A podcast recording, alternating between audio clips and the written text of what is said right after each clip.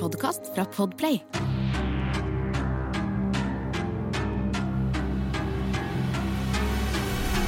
Hei og velkommen til Forsvinningsfredag podkast.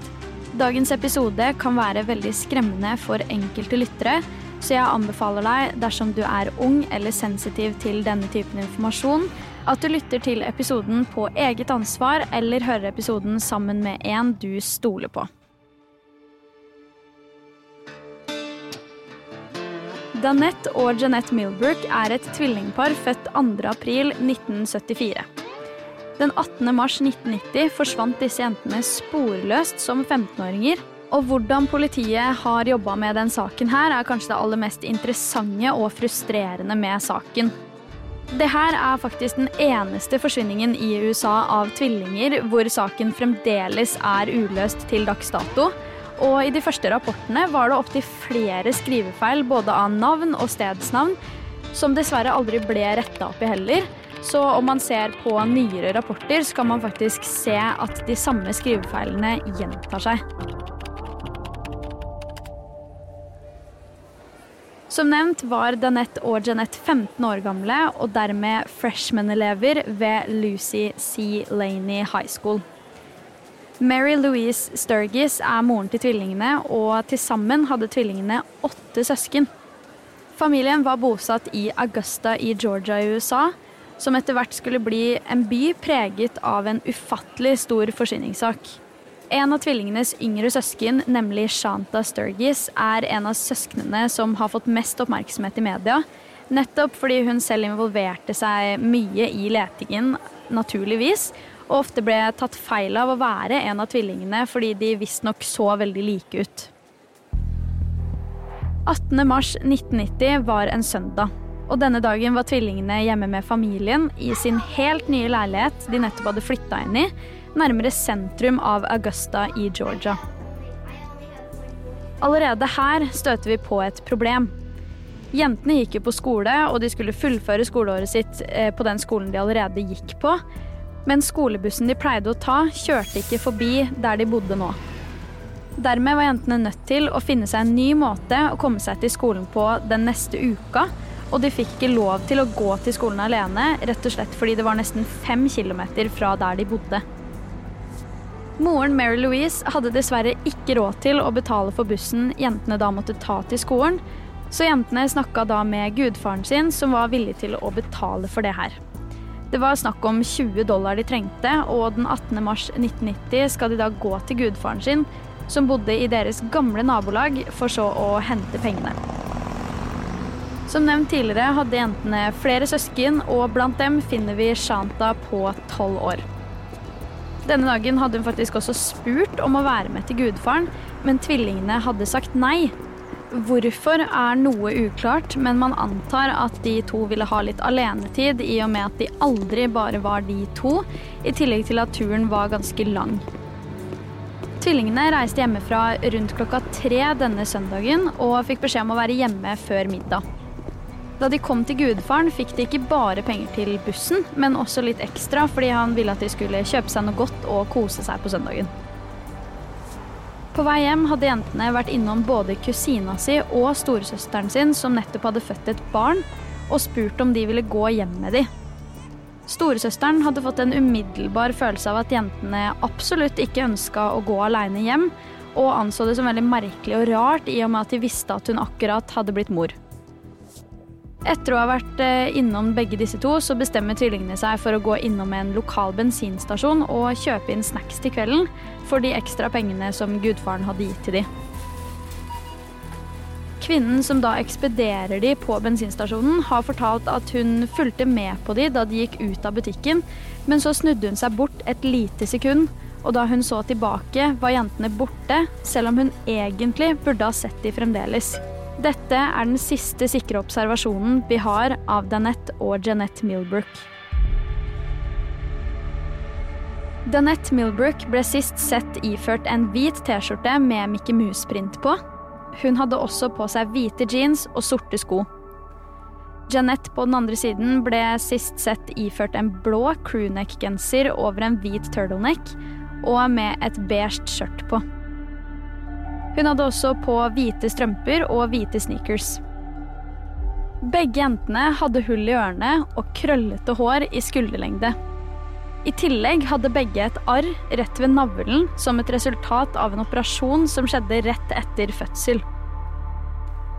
På generell basis blir jentene beskrevet som veldig snille og ordentlige jenter som aldri steller i stand noe bråk, og man kan kun peke på én hendelse hvor jentene har vært involvert i noe særlig drama. Dette var da på en bussholdeplass etter skoletid, da jentene ble ganske hardt erta. Så Danette hadde tatt saken i egne hender og tatt igjen, mens Jeanette sto litt i bakgrunnen. Utover det har ingen av jentene noen historie med verken dårlig oppførsel eller å være en rebell. Derfor virker det usannsynlig at de har rømt frivillig.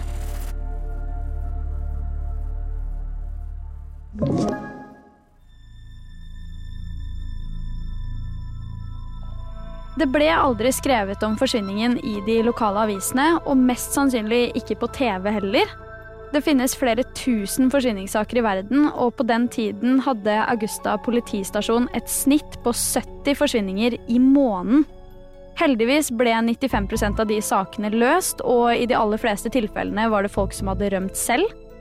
Problemet er at det finnes kun et fåtall av forsvinningssaker som involverer tvillinger, så når det først forekommer en slik eh, sak, så blir det gjerne omtalt i media. I denne saken så har politiet konsekvent valgt å se bort ifra nye spor som dukker opp, og nye teorier. Ikke engang har de tatt avhør av nye vitner, de tok bare utgangspunkt i at tvillingene var enda et tilfelle av en frivillig forsvinning. Til å begynne med avhørte de ikke en eneste nabo. Ikke hun som ekspederte de på bensinstasjonen, og heller ikke faren til jentene. Statistikk viser jo at i de fleste tilfeller av forsvinninger, så er det noen i nær relasjon som har begått handlingen. Allerede en time etter at jentene forlot bensinstasjonen, begynte moren og lillesøsteren å lete etter jentene. Og nå ringer de politiet ganske umiddelbart for å informere de om at døtrene på 15 år var forsvunnet. Av politiet fikk de beskjed om at de var nødt til å vente til det hadde gått 24 timer før de kunne melde jentene savnet, selv om de kun var 15 år. Moren ringte opp igjen så fort de 24 timene var gått, og fikk nå en ny beskjed om at jentene mest sannsynlig bare hadde stukket av frivillig. Moren til tvillingene trodde jo ikke ett sekund på at jentene hadde stukket av selv. Danette og Jeanette Milbrook var mørkhudede, og i en dokumentar forklarer moren deres at alle med deres hudfarge som forsvant på den tiden her, ble ansett som rømlinger i politiets øyne, og derfor var det ingen grunn til at de skulle etterforske saken videre. På et tidspunkt så ble jo disse jentene 17 år gamle, og da ble politiet enda tydeligere på å legge fra seg saken og definere tvillingene som rømlinger. I staten Georgia er det nemlig ikke ulovlig å rømme hjemmefra etter du har fylt 17 år, så politiet ønsket ikke å gå inn i noen etterforskning, selv om de ikke ble 17 før to år etter forsvinningen. Politiet startet aldri noen ordentlig etterforskning av saken, og faktisk ble saken lukket for videre etterforskning allerede i 1991, under et år etter at jentene forsvant i nærheten av bensinstasjonen. Ikke nok med det, men de originale saksdokumentene har i tillegg forsvunnet på et eller annet vis. Det ble likevel skrevet nye rapporter på hver tvilling i 2013, selv om informasjonen i disse var kopiert fra de originale saksdokumentene, og dermed er alle skrivefeil tatt med her også. Pga. det var det kun privatpersoner som kom opp med mistenkte og folk som kunne ha sett noe. En saksbehandler i politiet som jobba spesifikt med ungdomssaker, hadde også plutselig fortalt en medoffiser at jentene var blitt funnet, og at det er derfor saken ble lukka, og at jentene ble fjerna fra databasen for savnede og forsvunne barn. De neste 23 årene kjempet moren og lillesøsteren til Danette og Jeanette Milbrook for at saken skulle gjenåpnes, samtidig som de nærmest drev med en egen etterforskning. Det var ikke før i 2013 at saken endelig ble gjenåpna. Det var nemlig nå familien Milbrook endelig fikk tak i den nye sheriffen i byen, som ga familien nytt håp så ufattelig mange år senere.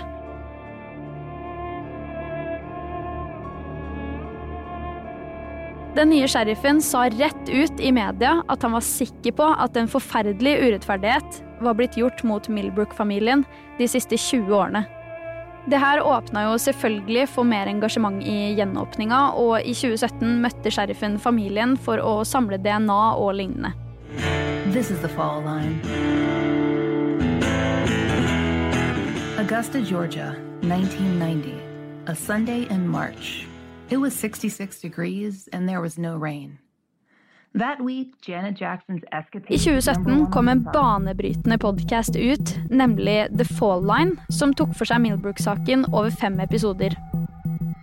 Over de siste årene har det kommet opptil flere podcaster om saken, men det er absolutt The Fall Line som har fått og får mest oppmerksomhet, og det egentlig med god grunn. Programlederen i podkasten er Laura Norton. og Hun har nemlig vært i kontakt med familiemedlemmene og også flere involverte vitner. Etter denne podkasten kom ut, ønska også medieselskapet Oxygen å lage en dokumentar om saken, hvor de ville ha med seg programlederen i The Fall Line, i og med at hun hadde informasjon direkte fra de pårørende. Som dere sikkert skjønner, så tok det lang tid før det kom noen mistenkte i saken men en av de hovedmistenkte på folkemunne er den mye omtalte Joseph Patrick Washington. Han var veldig aktiv i Jentenes nabolag samt en by som lå like i nærheten av Augusta. Joseph ble tidligere tiltalt for drapet på Marilyn Denise Kelly og mistenkt for drapet på Loretta Dukes, men døde i 1999 før saken fikk starta i det hele tatt. I 1995, fire år før han døde, fikk han også totalt 17 påfølgende livsdommer for kriminelle handlinger knytta til bortføringer og seksuelle overgrep av fem separate kvinner, hvor tre av de overlevde. Mye av grunnen til at eh, Joseph Washington ble dratt opp som en av de mistenkte i denne saken, var fordi at han kun gikk etter yngre jenter. Han hadde også vært aktiv med disse handlingene i Aiken i South Carolina, som ligger like i nærheten av Augusta, og derfor så man ikke dette her som en tilfeldighet. Likevel fokuserte ikke politiet noe ytterligere på dette sporet. John Milbrook, faren til tvillingene, ble tidligere arrestert sammen med et par andre menn for å ha drept en person og også ha gjemt kroppen senere. De han ble arrestert sammen med, var to venner fra nabolaget, nemlig Ernest Vance og Reggie Cummings. Vance skal også ha kjent Joseph Washington, så dette må jo ha vært et ganske lite nettverk med folk som kjente hverandre på en eller annen måte. For denne handlingen så satt John Milbrook kun inne i fengsel i noen få år, mens Ernest og Reggie sitter fremdeles inne. Hvorfor er jeg egentlig litt usikker på, men mest sannsynlig har de større skyld i selve drapet og kan også ha gjort andre ting enn bare denne hendelsen også. De som produserte The Fall Line-podkasten, har også skrevet brev mens Ernest og Reggie har sittet i fengsel.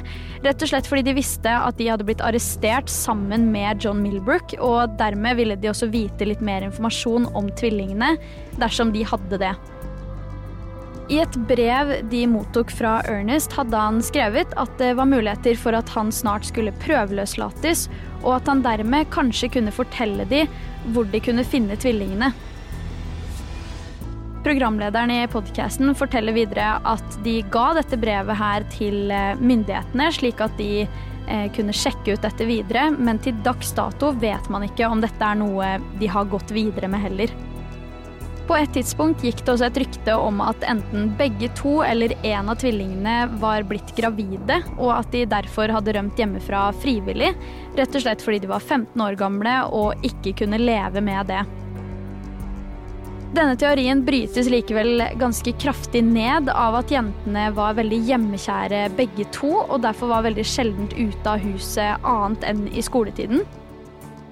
Dessuten hadde heller ikke jentene lov til å ha besøk av noen uten at moren deres var hjemme, men det blussa faktisk også opp en teori om at jentene var blitt adoptert bort, og dette var faktisk også noe politiet meldte offentlig, men dette var kanskje for å finne en unnskyldning for å slippe å gå videre inn i etterforskningen. Enda en teori som oppsto, var at tvillingene kunne ha fått sitte på med noen fra bensinstasjonen, og det kan ha vært en fremmed person. Familien til tvillingene sier at dersom de skal ha sittet på med noen, så er det nødt til å være noen de kjente, fordi jentene absolutt ikke turte å sitte på med fremmede. Og jeg tenker at det kan faktisk ligge noe i den teorien her, ettersom at de kan ha blitt tvunget inn i en bil, og dermed gir det også mening at vi ikke har hørt noe fra de siden. Denne saken står fremdeles som uløst den dag i dag, og hva som skjedde med Milbrook-tvillingene får vi kanskje aldri vite. Du har hørt Forsvinningsfredag podkast med Sara Høydahl. Og dersom du har lyst til å høre om flere drapssaker, forsvinningssaker og lignende, så kan du sjekke ut min YouTube-kanal under samme navn som meg sjæl. Uansett så kommer det en helt ny podkast-episode neste fredag. Og i mellomtiden, ta vare på deg selv. Du har hørt en podkast fra Podplay. En enklere måte å høre podkast på. Last ned appen Podplay eller se podplay.no.